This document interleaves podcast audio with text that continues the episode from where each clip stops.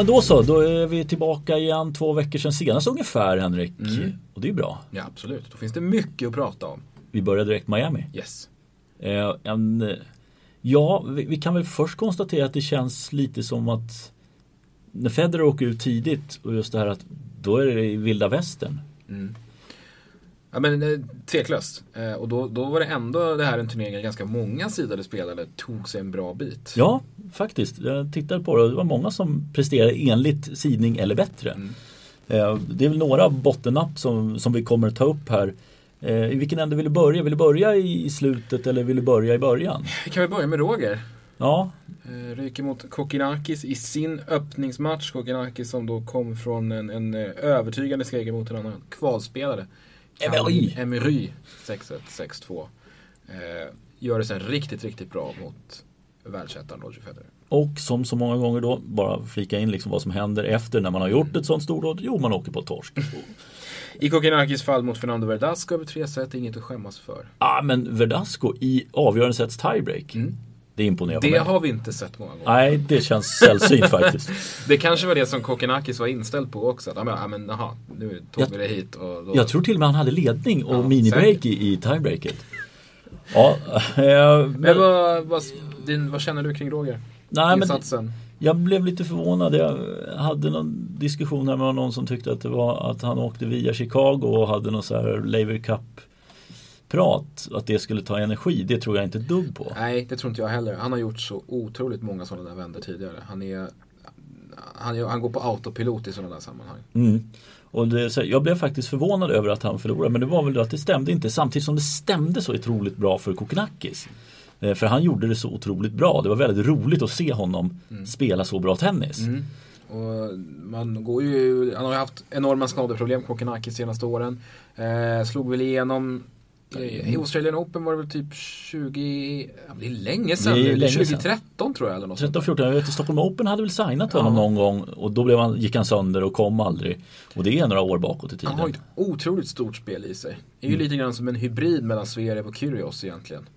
Eh, han har den här enorma räckvidden eh, och spektakulär ådra men, men kanske en stabilitet också som eh, Kyrgios saknar. Så att det är en, en, en, fortfarande en potentiell världsspelare. Man hoppas ju att, att alla de här skadeproblemen inte har tagit för mycket ifrån honom. Exakt, för det är det som känns som att det kan vara det som ligger honom i fatet helt enkelt. Spekulerades ju en del om ryggproblem för Federer redan veckan innan. Mm, men eh, ingenting som han pratar någonting om och nu lär vi inte få reda på det heller eftersom han lika fort som han åkte ur lika fort kom eh, med pressmeddelande var det väl nästan, eller var det på presskonferensen där han sa att jag spelar inte. Beskedet var i alla fall tydligt. Det blir inget mer spel förrän i, vi kliver på gräset. Nej, och det hade vi redan spekulerat i att högst tveksamt om man skulle göra någon grustävling och det blir inte så heller. Nej. Och två veckor här nu på, eller fyra veckor blir det ju egentligen på eh, eh, i de amerikanska masterturneringarna som inte riktigt gick som man hade tänkt sig. Man, jag vet inte, jag var i alla fall inställd på två serier för honom. Ja, men vi hade väl båda två honom som absolut. segrare här i Miami.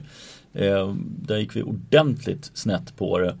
Men eh, nej, men jag, jag, jag fattar ju också att han kommer inte spela Franska öppna. Möjligtvis om man gör det som någon sorts Eriksgata sista året han spelar. Att han då väljer att spela men då spelar väldigt sparsamt innan. Men så länge han satsar fullt ut så tror jag inte att han kommer lägga energi på gruset. Nej, det tror inte jag heller. Och, och det här är ju definitivt inte sista året som Federer kommer att gå för slams. Eh, det känns som att han har nog både två och tre år kvar innan, innan, det är dags att vika av. Vika av liksom. Ja, vi får se. Ja, tre år tror jag, då, då, då, är, du, då är du långt bort i horisonten. Men, men ett till två år till. Två år till skulle jag kunna tänka mig. Ja. ja, vi får se. Det Ja, blir, får- blir intressant att följa oavsett. Mm, eh, en annan som eh, fick eh, stora problem direkt. Det, det var ju den förre världsettan som famlade riktigt, riktigt ordentligt. Novak Djokovic. Ja. Benoit Per. Mm. Eh, Benoit Persson gjorde lite som han ville med Novak Djokovic.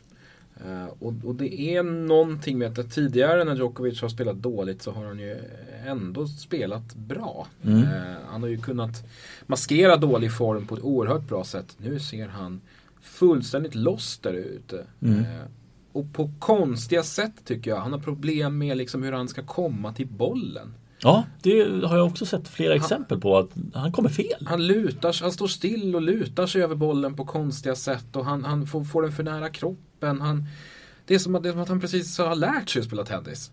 Det, det, är inget gott betyg faktiskt. Nej, och jag, jag, jag, tänkte på en sak. Jag hörde en intervju med Jesper Parnevik i, i Värvet. Eh, och han eh, har ju varit borta i långa, långa stunder eh, på grund av skadeproblem. Eh, och han sa att det är ett rent jävla helvete att komma tillbaka eh, som golfspelare. För att du får i stort sett börja om från början. Du får, har extremt lite med dig. Och jag vet inte, jag var lite nyfiken på din åsikt. Vad, vad placerar sig tennisen i förhållande till golfen? För det är ju, är, kan inte riktigt vara som att liksom lära sig att cykla. Nej. Vissa moment kanske? Ja, jo, men det är Men sen det har väl mycket med timing för golfen. Du har ju även Tiger Woods som egentligen också efter stora skadeproblem inte har tagit sig tillbaka till den nivån han har varit på. Och det kommer han väl aldrig bli igen. Men men jag tror golf, golf är nog faktiskt ännu svårare på så sätt. Vi har ju sett ja, Federer bland annat och Nadal och sådana som har klarat av att komma tillbaka efter, efter skador. Men eh, jag tror nog att det, det, krävs nog kanske att spela så mycket mer för att komma in i det och då kanske liksom tröskeln blir när, när träffen väl sitter, ja då är tröskeleffekten enorm. Och då, då torskar han inte mot Benoit Per och får 7 gem. Samtidigt så är ju Djokovic inte heller, han, han är ju en extremt talangfull och begåvad spelare i grunden. Men han är ju också i mångt och mycket en träningsprodukt. Som har kommit långt på grund av att han har jobbat med sin fysik, med sin taktik och för att liksom maxa alla mm. aspekter i spelet. En sån som Roger Federer är ju mer, ja, det är ju ett begrepp som, som kan, naturligtvis kan debatteras, men mer en, en naturbegåvning mm. i, i, i kraft av sitt bollsinne. Och hur han läser spelet. Han har så mycket med sig ifrån början. Och till exempel det eviga eh, exemplet som man också har på en som har kommit tillbaka lätt. Joakim Pim-Pim Johansson. Mm. Som hade sin serv så hårt i ryggmärgen att han kunde vara borta i år. Mm. Och ändå komma tillbaka och damma in S i 240 km i timmen och spela som om han aldrig varit borta. Ja, ja men vi minns ju sista kvalvändan när han kvalade in i Stockholm Open och sen pressade Raonic. Ja. Eh, det, det, ska ju inte gå egentligen men nu, nu han hade en exceptionell eh, spelstil och just det som du säger serven med, med, styrkan där att det var enklare att bygga kring det. Ivo Karlovic är också en sån som har varit skadad en hel del och kunnat komma tillbaka. Det är nog svårare när du står, har mycket måste ha mycket mer mm. spel. Mm. Det kanske, kanske är en, en lång väg tillbaka för Novak Djokovic men hade ju ändå föreställningen att så svårt skulle det inte bli. Nej, inte så svårt som de här resultaten har gjort i Nordamerika nu. Eh, riktigt trist med och nu också då utan tränare säger vi först. Mm. Men det sipprade ut lite grann igår att Vaida var att de tränade tillsammans någonstans. Om det nu var tillfälligt eller inte det var ingenting mer än så men att det spekuleras lite grann i att Vaida kanske är på väg tillbaka. Oavsett vad så tror jag att det är bra för Novak att, att landa hos någon som han känner sig väldigt trygg hos. Marian Vaida var ju trots allt den som byggde upp honom till en superstjärna och höll honom kvar där i många år innan han då själv valde att kliva av. Viktig aspekt i det hela. Verkligen, verkligen. Men äh, Agassi och Stepanek borta. Tråkigt. Vi hade höga tankar om, mm. om, om, det samarbetet. Eh, båda de parterna. Mm. Eh, men det har ju uppenbarligen inte funkat. Och, och jag, jag, jag har svårt att tro att det egentligen beror på dem. Utan det handlar nog mer Gurun. om... ja, har varit rätt tyst om Gurun nu va? varit väldigt tyst om Gurun. Nej, Gurun och Sida, jag, det handlar nog mer om, om, om Djokovic själv. Eh, och att han inte känner att han är där han förväntat sig vara. Nej. Det hade nog inte spelat någon roll vem man hade haft med sig. Möjligt, med bara Vaida hade klarat av Ja, det, de här det, första det är nog den enda som har den djupa ja. kännedom och, och, kan honom så pass ja, bra. Så, det så att det, det, är nog det är intressant att se nu om det här är liksom bara för att han vill komma tillbaka, få lite lugn. Vaida, tryggheten och sen då gå vidare. Eh, men det är frågan om Vaida verkligen vill ut och, och jaga igen. Det var ju därför han faktiskt valde ja. att kliva av. Ja, det beror ju det beror liksom på. Jag har ingen aning om hur Vaidas eh, liksom privatliv ser ut nu och hur hans tillvaro ser ut. Eh, han, han har väl haft ett antal procent på Djokovic miljoner eh, under åren då det har gått som bäst. Så att han mår nog bra. Eh, men det finns ju en anledning till att man kliver av. Eh, och det är möjligt att han känner att, att han vill och kanske måste göra det här för, för Djokovic skull. För att liksom återetablera honom där uppe. Mm. Det, det är ju, liksom, finns ju papper på att det går bäst när Vaida är, är 100% inkopplad. Mm. Han, han kan honom så väl. De Ja. kan varann. Ja men det blir intressant att följa fortsättning på det där. Har vi några andra då resultat som, eh, som eh, skräller till lite grann? Ja, vi, vi kan gå fram till fjärde rundan där eh, om vi börjar uppifrån. Oh, gamla analoga pappret funkar fortfarande. eh, fjärde rundan så är det Helspass, det är Verdasco och Carreño Busta. Carreño Busta gör återigen en bra hardcore-turnering. Jag vaknat till lite grann här. Vi hackade lite på honom här för några avsnitt sen. Tyckte att han hade startat eh, året svagt och inte trodde att han skulle komma igång heller. Men det har han gjort. Mm. Bra veckor här nu igen. Eh, Kevin Anderson går fram till kvarten, förlorar mot Carreño Busta. Och där är återigen Carreño Busta måste jag säga, det är imponerande att han tar Anderson i en kvart på hardcourt. Han tycks ju trivas ganska bra också mot de här storservarna.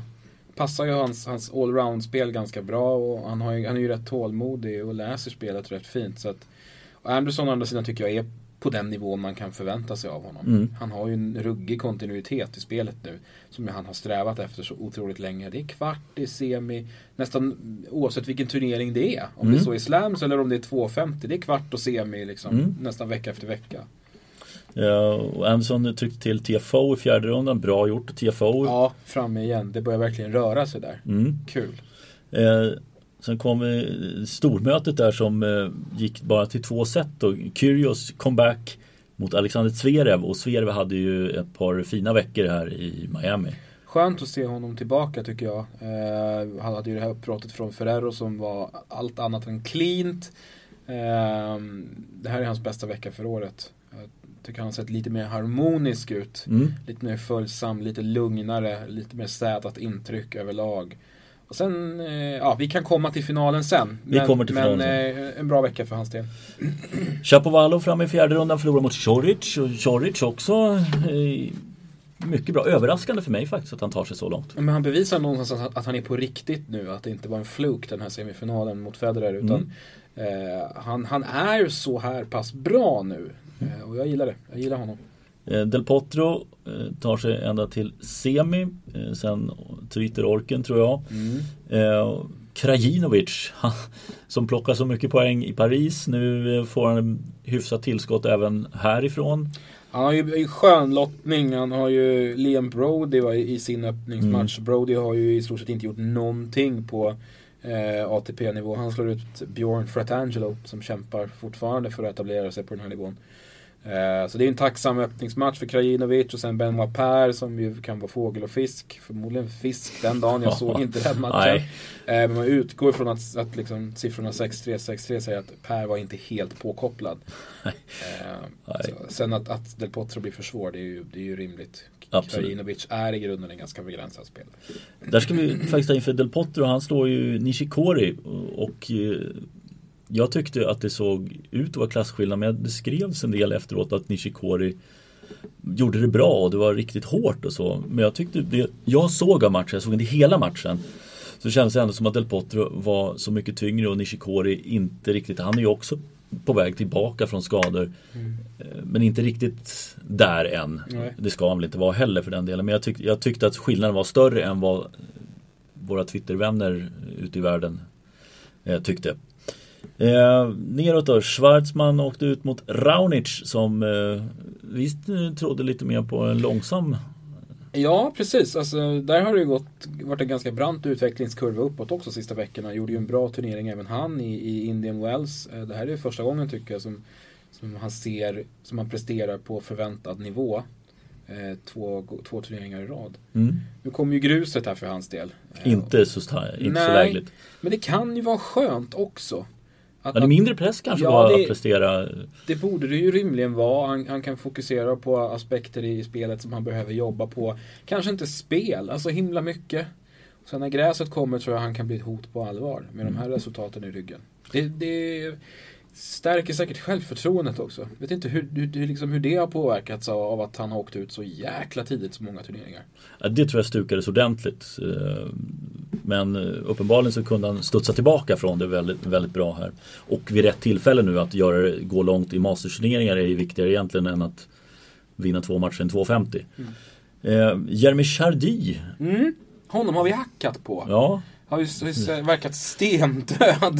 Ja, men det händer ju aldrig någonting. Det har ju liksom egentligen bara eh, successivt gått neråt. Men nu är det två veckor i rad här också. Mm. Som han gör riktigt bra. Eh, spelar sig halvvägs in i turneringen i alla fall. Mm. Eh, trycker till Grigor Dimitrov. Eh, Fortfarande. Ja, formsvag. Mm. Eh, inte i närheten av sin Australian Open-form. Eh, jag tycker man kan förvänta sig betydligt mer av Dimitrov. Mm. Han vet nog det själv också. Han, han, han ska vara framme och hugga på de här titlarna. Ja, ja men jag tycker man har sett det vid förlusterna som han har tagit här att det är Han vet att han är där uppe och ska vinna de här matcherna och torska dem. Mm. Eh, så att det, ja, jag hoppas han hittar men kul, men kul för Shadi, eh, som naturligtvis bara är en munsbit för en spelare som Raonic. Han, han missar alldeles för mycket. eh, men, men jag är all, alltid trevlig att se. Mm. Mm. Eh, så att han får gärna hålla sig framme för min skull. Mm. Eh, vi ska flika in där att eh, Raonic i sin öppningsmatch tryckte han dit Micke Ymer 6-3, 6-3, samma siffror som eh, Shardif. Nej, Shardif fick ett game till. Men Micke Ymer vinner en match mot Struff. Eh, imponerande faktiskt att vända den och vinna. Struff en bra spelare som mm. haft ett antal bra månader bakom sig också. Eh, lite sleeper tycker jag. Han, han eh, I hockey pratar man mycket om underliggande siffror. Om man skulle studera lite grann vad det är för spelare som Struff har åkt ut mot. Och, mm. och eh, hur de faktiskt har sett ut på banan så tycker jag han har gjort det bättre än vad hans ranking har visat. Mm. Så att, eh, det, är, det, är, en bra spelare att slå. Som, som vi helt ärligt ska säga var, var inte särskilt bra för dagen. Nej, det, han hade kunnat toppa lite till. Ja. Eh, längre ner då, Shao Sousa fram i fjärde rundan. Vi återkommer till honom i Davis Cup-sammanhang men det är ja, kanske inte den svåraste vägen fram men han vinner, vinner tre matcher i alla fall och sen får han Chung. Mm. Och Chung Chung mm. uppåt. Mm. Någonting. Vi vill prata om att Choric är på riktigt. Mm. Eh, det är ju Chung också. Uppenbarligen.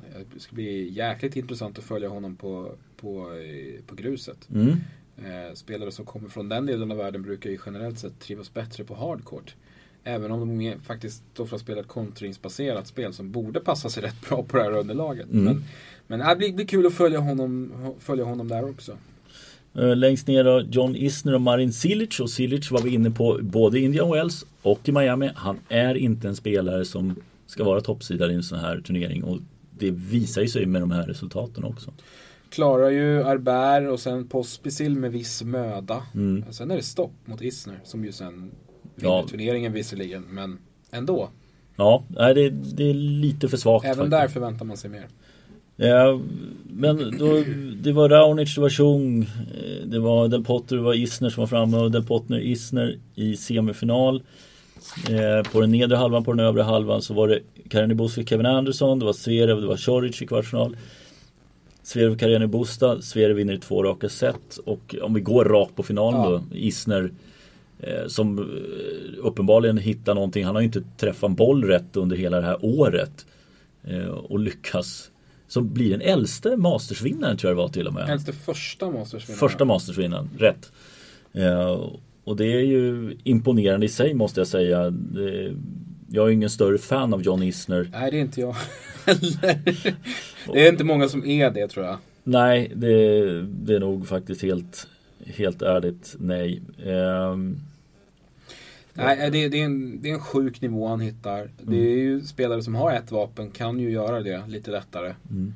Uh, och det är, det är svårt att hitta någon egentligen bra förklaring till varför det blir så här nu. Egentligen för honom. Mm. Jag, jag gillar det ju inte. Jag twittrade någonting där om att ja, det, här är, det här är symboliskt för en förestående kris. Ja, men det... sporten. Att när den här typen av spelare får gå och vinna. Ja. Det handlar inte om hur han spelar utan det handlar om vem det är som vinner. Mm.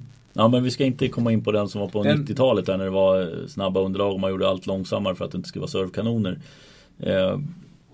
Men du, jag måste fråga dig som, som alltid har ett öga på historien. Eh, är John Isner den mest otippade Mastersvinnaren genom tiderna?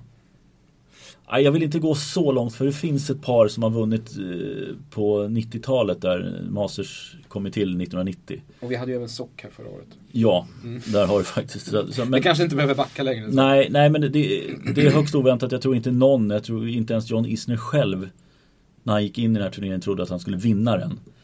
Eh, så att det, det är en, på senare år skulle jag nog säga att det är, är nog en av de största skrällarna. Han och Sock också för den delen. En snabb koll här. Felix Mantilla. Ja men det är någon grusturnering på... 2003 i Rom. Mm. Hittar du något mer bakåt där? Ja, jag hittar, jag hittar ju Andrei Pavel. Rumänen? Som ju vann eh, i, i Kanada 2001. Ja men då är vi tillbaka till 2000-talet. Och, den, och där hade ju sporten onekligen en rejäl identitetskris. Eh, I, I, glappet mellan Sampras Agassys dominans och eh, Federer. Federers. Eh, ja, Mantilla och vad var det mer du sa? Pavel. Ja. Ja, nej det är väl inte så fantastiskt faktiskt. men, men ja, jag skulle nog säga Pavel är ju i så fall om vi tar 2000-talet då är Pavel en större skräll mm. än vad Isner är. Mm. Eh, men eh, Isner har ju ändå varit framme i, i final i, i, Masters tidigare. En drös semifinaler också. Mm. Eh, och, och, även semi väl i, i Grand Slams. Är det semi som han har varit? Ja, i alla fall kvart. Kvart har han varit i.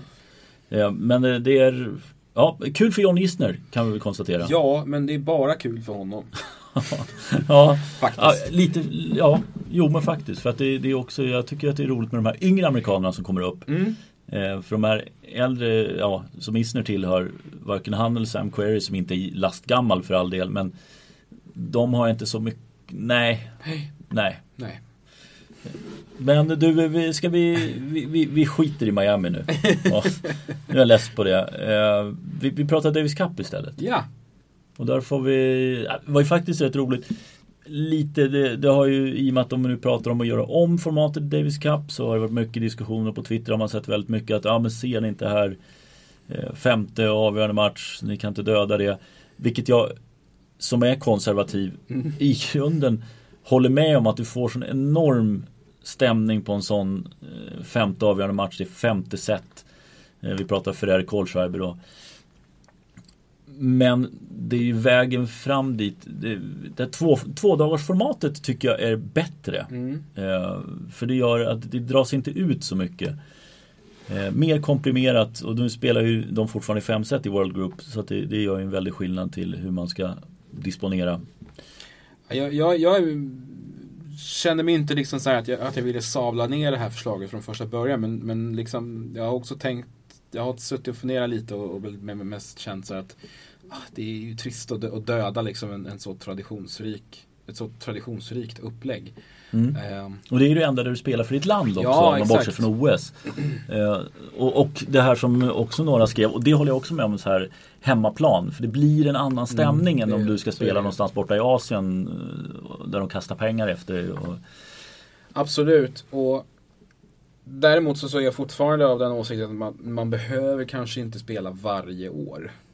Nej men det, det, är möjligt att titta på en sån. Allt, mitt alternativ är just det här som de har gjort i de lägre divisionerna. Att dra ner det till två dagar. Ja, det tror jag också är en, en, kan vara en bra idé. Ja, det, men du förlorar femsetsnerven för det kan du inte spela bäst av fem set över två dagar på så många matcher helt enkelt. Eh, men roligt då, vi, vi har alltså eh, vinnarna i alltså USA som inte hade några som helst problem med ett Belgien utan David Goffin. Eh, Spanien då 3-2 mot Tyskland. Nadal tillbaka. Såg bra ut. pratade ju mycket om att han hade eh, rådgjort väldigt mycket med, med spanske förbundskaptenen. Eh, och, och känt, Bruguera? Ja, Bruguera, precis. Gammal grusräv, mm. även han. Eh, och känt att nej, men nu, nu är det dags, nu, nu kör vi. Och man känner väl alltid liksom när Nadal är igång att bara kliv inte på för tidigt nu. För man förstår ju att han är ivrig. Det vankas grus, det vankas hemmaplan. Eh, men känns inte det här som ett litet test också? Att han testade om man höll för mm. det här för han har ändå en vilovecka nu i och med mm. att det är skräpturneringar den här veckan. Att det var en liten sån grej att han Kan det ha varit. Känt efter. Eh, roligt för Ferrer också att få vinna en femte avgörande för han blev tilltvålad ja. på fredagen. Absolut. Ja, det var ju riktigt vacker. 7-5 sista set mot, mot Kohlschreiber. Kohlschreiber är ju också en sån här som inte riktigt är känd för att vara som starkast. Nej, det är sant. Men, men eh, det här är ju bland det sista riktigt fina tror jag som vi kommer att få se ifrån David Ferrer. Det, det, det, slutet nalkas. Ja, Tveklöst. Ja, vi var inne på det förra året också. Nu flämtade han till och vann Båstad. Men det är ju frågan om inte det var den sista titeln som vi faktiskt var inne på då också. Att möjligen att han kan vinna någon typ Marrakesh-turnering. Men i övrigt så kommer det vara väldigt svårt för honom att ta sig djupt in i turneringarna. Mm. Eh, vad hade vi mer då? Vi hade ju Frankrike. Ja, 3-1 mot Italien där. Mm. Lucas Puy återigen nyckeln till det avancemanget. Börjar växa ut till en, en, alltså en riktig stöttepelare i, mm. i eh, DC-sammanhang. Eh, var ju med och säkrade segern här nu i, i vintras. Gör det ju igen tycker jag. Det är, mm. det är han som avgör det här. Mm. Och, och Fognini. lite hjärnsläpp sådär. Eh, så vi har blivit vana att se. Precis, och, och den sista semifinalisten då, Kroatien. Mm. Som fick lite problem. Coric eh, svajade lite på fredag. Förlorade sin första match. Ja, förlorade förlora i eh, fyra set mot Kukushkin. Mm. Som vi varit inne på. Vinner mycket i DC-sammanhang. Svårspelad, mm. kan vara äcklig mm. att möta. Men det kan vara en så enkel grej som att Choric gick långt i, i eh, Miami, inte riktigt hann ställa om eller inte orkade. Han har spelat mycket mer mm. än vad han är van att göra. Så att, mm. eh, han vann ju sen på på söndagen? Nej förlåt, han nej, spelade inte på söndagen. Nej, det var ju Silic som avgjorde det där. Mm. Men det är ändå, det är ju, tycker jag det är ganska roliga semifinaler att se fram emot här i ja, september är det väl som Nej, jo. jo. precis. 14 till 16 september och det är Frankrike som har hemmaplan mot, mot Spanien. De lär väl inte välja grus. Det kan vi ta som högst sannolikt. Men eh, det var, det var, Spaniens seger tycker jag sticker ut här. Mm. Nadals comeback och att mm. Ferrer får, får kliva fram som den stora hjälten här. Är, jag tror att det här är ju sista året som, som Ferrer eh, Feliciano Lopez och, och Nadal kommer att få spela tillsammans. Som mm. har varit liksom kärntruppen sista tio åren tillsammans med Verdasco. Mm. Eh, nu fick ju Lopez och Mark Lopez stryk i dubbeln visserligen lite oväntat. Men, men jag tror att Feliciano har ju redan meddelat att han lägger av efter mm. den här säsongen. Så att, eh, och Ferrer gör väl högst ett år till skulle jag tro. Mm. Eh, så att det, här, det här är nog, eh, de går för det. Mm. Jag tror, att, jag tror att vi kommer att få se Nadal spela både den här matchen och, och, en eventuell final. Men jag tror det var sista gången vi fick se Ferrer för jag har svårt att se att man sätter honom på hardcourt. På hardcourt. Nej. Där har du ju förmodligen en Carreño Busta som, som mm. kommer att göra Eller Bautista, Bautista Agut. Mm. Så det, det, men jag tycker det kommer bli en otroligt rolig och det tror jag kan bli inramning på den kan nog bli riktigt häftig ja, den matchen. precis. Det, det finns en historia mellan de två, naturligtvis. Mm. Framförallt i tennissammanhang. Eh, det var inte så många år sedan som Yannick Noah gick ut och, och sa att alla spanjorer i hela världen är dopade. Eh, så att, eh, ja. Det finns lite där. Kroatien och USA. Jag får inte lika mycket, jag går inte igång på det. Nej. Känns som att USA jobbar upp en riktigt härlig bredd här nu. Man har hittat tydligt eh, etablerat dubbelpar i Harrison och Sock. Mm. Som funkar bra och som, som vann här i helgen. Du har för, just nu i alla fall formstarka singelspelare som Sock och eh, Isner Query. Eh, förlåt inte Sock men Isner Query mm. i alla mm. fall i singel. Och sen TFO som knackar på dörren där. Mm. Så det, nej, det blir spännande. Och det, är det Kroatien som har hemmaplan eller USA? Eh, det är eh, Kroatien. Mm. Som lär väl välja grus då. Mm. Eh, då går vi ner i, i vegetationen och här fick jag på pälsen lite grann. Jag trodde inte att Sverige skulle vinna. Jag var med hos Tennisportalen här för en och en halv vecka sedan och då trodde jag 70-30 till Portugal men Sverige visar otroligt bra styrka att vinna de matcher som man skulle vinna. Mm. Absolut. Eh, man gör verkligen det man, eh, det man skulle göra. Man visste på förhand att, att Joao Sosa blir svår. Och det blev han både för Mikael och för Elias Ymer. Förlust båda två, 4-6, 4-6. Och där så var vi ganska överens här när vi pratade innan också. Att det kändes som att ingen av bröderna hade var egentligen ens nära. Nej. Eh, Sosa höll en för hög nivå. Mm. Eh, vilket är lite tråkigt i sig men, men det är bara att konstatera. Det finns en anledning till att han är en topp 100-spelare som varit uppe i topp 30 och eh, bröderna Ymer inte har varit där Nej. än. Ja, man trodde ändå att de skulle vara lite närmare på, på hardcourt. Eh, men, men uppenbarligen inte. Däremot gör de två, två bra matcher, eller var, varsin bra match i övrigt. Elias slår Gustavo Elias eh, på fredagen och Mikael Ymer sopar hem segern mot, mot spelare sen i två raka Mm. på lördagen. Mm. Så att det eh, Alltså deras track record när det kommer till avgörande matcher är, i Davis Cup-sammanhang är, är ruggigt bra. Och Mm. jag fortsätter intensivt hävda att de boostar varandra. De mår bra av den här teamkänslan eh, och trivs tillsammans. Jag tycker fortsatt att de ska spela mycket samma veckor, samma turneringar ute på touren. Det tror jag att de mår gott av. Och, och mm, eh, det känns som att de, Sverige kändes sammansvetsade. Ja, och Robban Lindstedt i en mini-comeback också. Ja, gick ju bra tillsammans med Marcus Eriksson. Mm. Dubbelmatchen var en jättefin insats från deras sida. Mm. Och Robban som inte har spelat bra på hela året. eh, Jagar partners till höger och vänster. Och Marcus Eriksson som inte har gjort någonting bra i singel. Men det är lite samma där. Det kommer till ett lag. Det är en annan sak. Eh, Men du, i med bröderna då. Tror du att de kommer börja spela mer tillsammans? Eller hoppas du bara? Jag hoppas nog mer bara. Eh, jag, jag, vet, jag har inte studerat hur, hur spelschemat ligger för dem båda men jag gissar att Elias kommer försöka kvala till lite ATP-turneringar här i, i Europa framåt vårkanten. Det borde han göra. Eh, det är nu han ska plocka som mest poäng. Eh, han har ju fortfarande en må, en, ett par månader in, innan han har mycket poäng att försvara. Mm. Och bör ju kunna klättra upp mot en, en topp 100-placering Mm. egentligen. Men, men precis, med rätt resultat. Rätt turneringsval och rätt resultat. Eh, men du, det blir ju alltså en eh, kvalmatch till World Group. Där känner jag, eh, hur mycket jag än vill, så känner jag lite att World Group är lite tufft.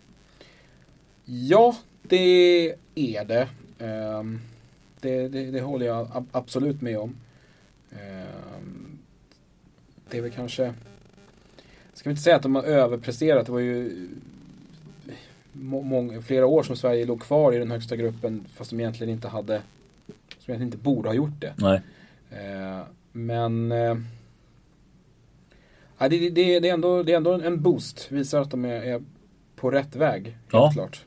Jag tycker att det, jag blev lite osäker. Jag hade diskussion med, med, med Alex på Tennisportalen om hur lottningen är för, för det här som nu sker i dagarna.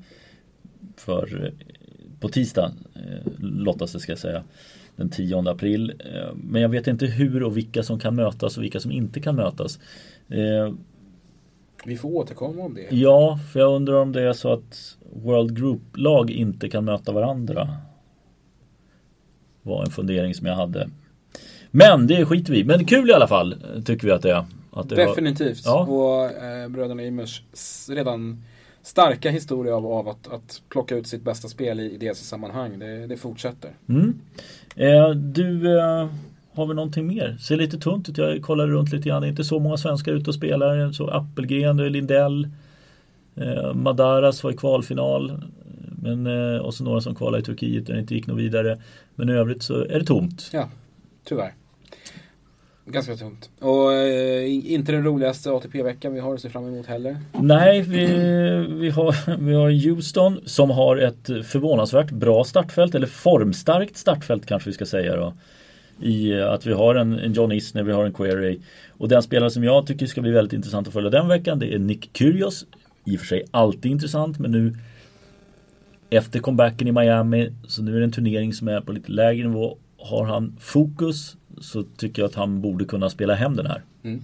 Absolut. Har vi som sagt, som du var inne på, många formstarka amerikaner runt omkring sig. Så Mm. att eh, eh, tuffare motstånd än, än vanligt i, eh, i Houston. Eh, sen har vi den andra turneringen som är, det är väl din favoritturnering va? Marrakesh? Marrakesh ja. Nej, du, du gick nästan upp i falsett nu så det var första sidan här. Ja, det är Albert Ramos Vinolas, som vanligt. Ja. Eh, dock ska vi ge dem cred för att de har lite roligare startfält än vad de brukar ha. Faktiskt, eh, en hel drös med fransmän som eh, söker med ljus och lykta efter en form. Mm. Per, Simon hittar vi där till exempel. Ja, bara det. Och en tysk i Mischa Zverev som också letar efter någon form av form. Ja, Andreas Seppi finns där i samma startfält. Så att det, det är lite bättre än vad det brukar vara. Lite, lite trevligare. Eh, och trevligt, det är väl inte synonymt med Marrakesh i vanliga fall. Men vi kanske ska, ska vi lämna på liksom trevligt i Marrakesh. Ja, precis. Eh, lite, lite udda sätt att avsluta Eh, om man har hängt med i den här podden Ja. genom åren. Eh, men vi gör det. Ja, vi gör det och vi liksom framåt då. För nu börjar ju grussäsongen på riktigt och det här ska bli kul eh, när vi börjar prata Masters. Precis. Vi varvar upp inför Monte Carlo.